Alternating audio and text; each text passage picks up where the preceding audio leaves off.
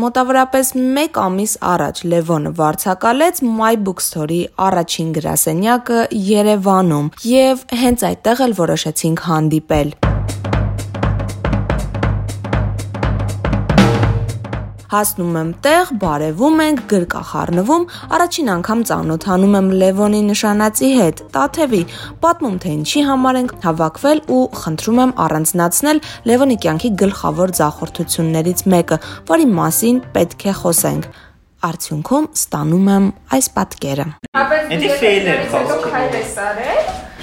ցանկացածն է կարևորը դու ինչ-որ բան անես։ Հա, բայց օրինակ ես ֆեյլերից լավ գլոբալ ֆեյլ պետք է ասեմ։ Մանր մոներ բաները ասում, մենք է մոռացել ենք որտես բան ա եղել։ Գլոբալ ֆեյլ ասա։ Գլոբալ ֆեյլ որ ասենք ուզում ես ավտո 1500 դոլար դրես արկել ես տալում ես ավտոբազար որ ծախած որ կանաս քարոզ արշավ անես ճամփին ավարիա է ստալի նորից ավտո դառնա շփրտելու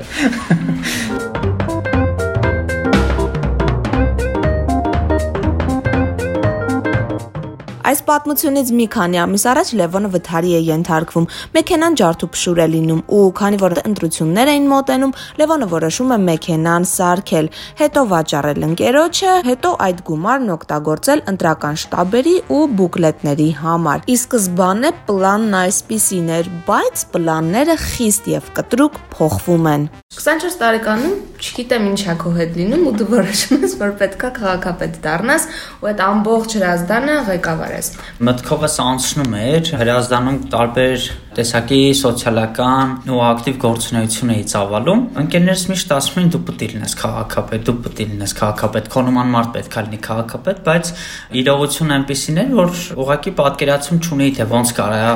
լինեմ քաղաքապետ, օրինակ կարճաժամկետ փուլում։ Հա, այսինքն ընկերներդ ասել էին, դու էլ ասել ես դե լավ, որ ասում են, ուրեմն կարելի է լինել։ Չէ, չէ, Այդ դերևս մինչև ընտրություններ, մինչև այդ process-ներից սկսել։ Հետո 2018-ին մեր երկրում ներքաղաքական իրավիճակի փոփոխության արդյունքում մեր Ռազդանի քաղաքապետ հրաժարական տվեց։ Ու այդ պահին դա հնարավորություն էր ինձ համար, որ փորձեմ ուժերս ու ընկերներիս, ասենց ասած, հորդորները լսելով, արդեն ինչ որ պատկերացումներ ունենալու, կառավարման, թիմ ղեկավարելու ու քաղաքի զարգացման հետ կապված, որոշեցի, որ պետքա առաջադրվեմ։ Երբ մտա Facebook, տեսա որ ընկերներս ֆլեշ մոբ են սկսել ու Հրազդանի քաղաքապետի իմ տեխնացուն Լևոն Ստեփանյանն է, այսպեսի ֆլեշ մոբ։ Լավ, սպասենք։ Դե որ սկսել են։ Այդպես որոշեցի, որ պետքա հասկանամ, էլի, իհարկե ժամանակ դեռ ժամանակավոր պաշտոնակատար պետքա լիներ, հետագայում նոր արտահերտ ընտրություններ, այսպես։ Եթե այսքան մարդ սպասում է ինձ, հենց հրազդանցիներ, երիտասարդներ, ովքեր ինձ են տեսնում այդ պաշտոնում, Սենց ասած, ես իրենց պետքա պատվատիկ չանեմ, սենց այս փողոցային բառերով ասեմ, ու որոշեցի, որ պետքա առաջադրվեմ։ Ինչ ուզում ալինի, պետքա առաջադրվեմ։ Եկանք ճանապարհին մտանք մի հատ քարտ ունեի գազալցակայանի մեջ 2000 դրամ փող կար ասացի դե լավ էս զրոյացնենք մեկը այս ավտոն վաճառում է բել պետք չի գալու գազը լցրեցինք ու եկանք մի հատ տեղ լավ հորդառատ անձրև էր գալիս այնպես է ջուր էր կուտակվել չնկատեցի դե այդ ամենօրյա իմ ճանապարհն է հայտնի արծիվի արձանի մոտ այդ օրը որ առավոտյան էր ոչ մի մեքենա ոնց որ չէր անցել ջուրը սենց եկել հասել էր համարյա ճանապարհի մեջտեղ պատահական մեքենայի մի կողմը մտավ ջրի մեջ ու մեքենան սկսեց պտտվել, ֆռալ սենց։ Մեջտեղի պատնեշները որ կան, երկատնյա, դրանց կպանք, մեքենան փշրվեց, Իչանք նայեցինք, տեսանք նորմալ ենք։ Հիշում հիշում որ ընկերս էց խփեցինք, միանգամից գորված, սաղեք։ Իջել ենք մեքենայից փախել ենք դուս ֆշոցա լսում գազը թողում էր մեքենայի բալոնը տեղաշարժվել էր Այսինքն հնարավոր էր որ ինքը կարողա պայթ Հա մտածեցին որ գազն է թողում ու ինչ որ հոտ եկավ այդ բարձիկը որ բացվել էր բարձիկի մեջ ինչ որ չգիտեմ նաշադիր է կոչվում ինչ այդ նյութից է լինում որ դու հանկարծ ուշաթափվես մի անգամից արթնանաս այդ հոտից վախեցենք մտածեցին գազը բան դուրս եկանք փախանք մեքենայից անցանք ճանապարհային կողմ նայեցինք տեսանք մեքենան կարելի ասել ասել գոյություն չունի, բայց մեզ ոչ մի բան չի եղել։ Մեզ ընկերս քթով կպել էր, քիթը շատ մեծ է իրա։ Կպել էր այլին փոկվել էր։ Ու այնպես է ստացվում, ասում է բանը քիթս հաստատ ջարդվել է, քիթս ջարդվել էր, ասում ես նեղ մաջալեն մի հատ էլ որ գնացի հիվանդանոցներն եք ընկե արվել։ Ոչ մի բան չեղի քո քիթս դե կարևոր։ Ու մի հատ մեքենա են կանգնացնում փրկություն ուներ էլ այդ մարդը կանգնեց նայեց ասես տղա ջան քիթը ջարդված էր ես կամար չէր գալի հավնը մի գնացեք անիմաստ հիվանդանոցներ հետո ոստիկանություն հազար ու մի հարցեր էլի կասես մի հատ երկու րոպե սպասի մեքենայի մեջ ջուր կա ասեցի հա ջուրը վերեցինք դվածվեց մի երկու րոպե քցից հավա անցավ Չեմ էլ մտածել այդ պահին, ինչ կարելի անել, ինչ չէ։ Մի անգամից զանգել եմ էվակուատոր, կանչել եմ որ մեքենան էվակուացնենք, ու զանգել եմ papayin, ասել եմ վթարի եմ ենթարկվել, արի մեզ դարձու։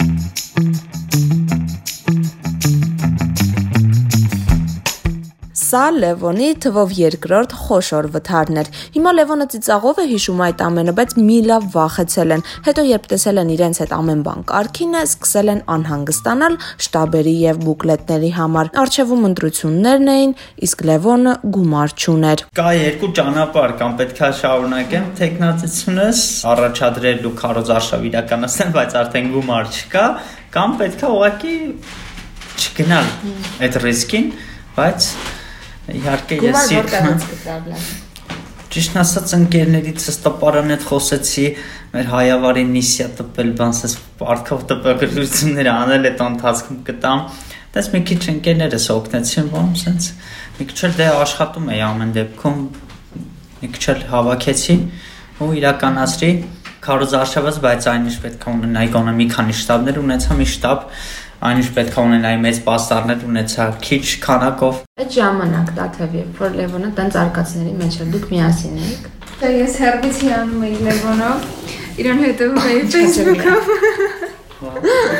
Հա, լուր լուր հետևում էի ու ու նույնիսկ այնքան շատ է Լևանի մասին մեր տանը պատմել, որ ընտրությունների օրը ես ծնունդի հրավիրված ու խնդրել էի, որ papas լայվ հետևի բոլոր արդյունքներին ու տենց անընդհատ զանգում էի հարցնում եւ այլն, մեր տանը բոլորը գիտեին Լևոնին ու որ պահը եկավ, պետքա իրանք արդեն ծանոթանային ոչ թե որպես Լևոնի, այլ իմ ընկերոջ, տենց բոլորը վաու էս են տղանա, որ ամբողջ օրը մեր տունը իր մասին ենք խոսում։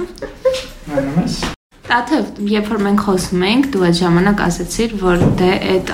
միակ ձախորդությունը չի Լևոնի ու ավելի, այսպես ասած, զվարճալի ձախորդության մեջ էինք ընկել Սուրմալույում։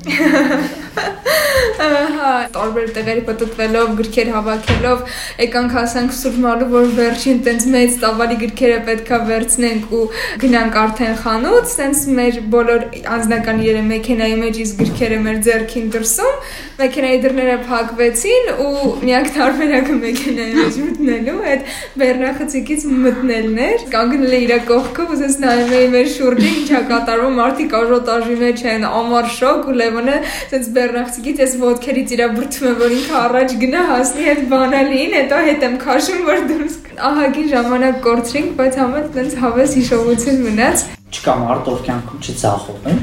Ուղղակի պետքա յուրաքանչյուրս գիտակցի, որ ինչպես հաջողությունը, հենց այդ ձախորդությունը մեր առօրյա ու սովորական կյանքի մի մասն է կազմում, ոնց որ տրամադրությունը կամ լավ կամ վատ։ Ցանկացած ձախորդությանը հաջորդ հաջողության համար հող է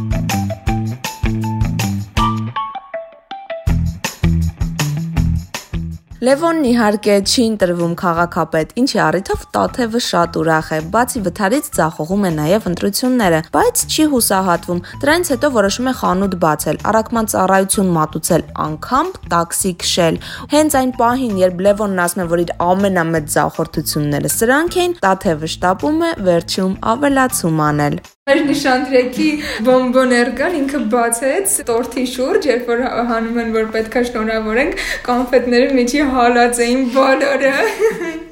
Ինքն անհարմար բայ։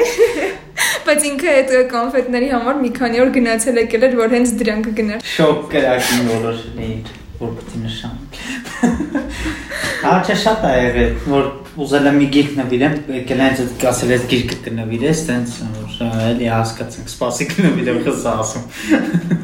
Ո՞վ է ասա Տաթևը։ Հա, գալիս մենք դες գիրքը կնվիրես, բայց այդ գիրքը արդեն ես տախածեմ, որ իրան նվիրեմ, էլի։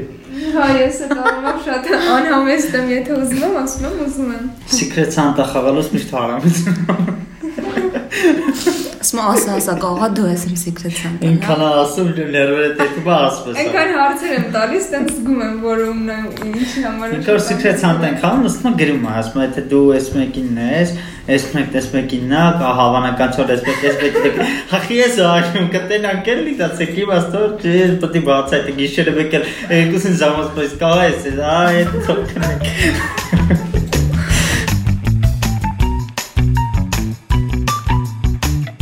Ինչպես դարձա միլիարդատեր, հա, միլիոնատեր։ Մեծ համոզմունք ունեմ, որ սա հաջորդ հարցազրույցի թեման է լինելու։ Պահենք, որ հիշենք։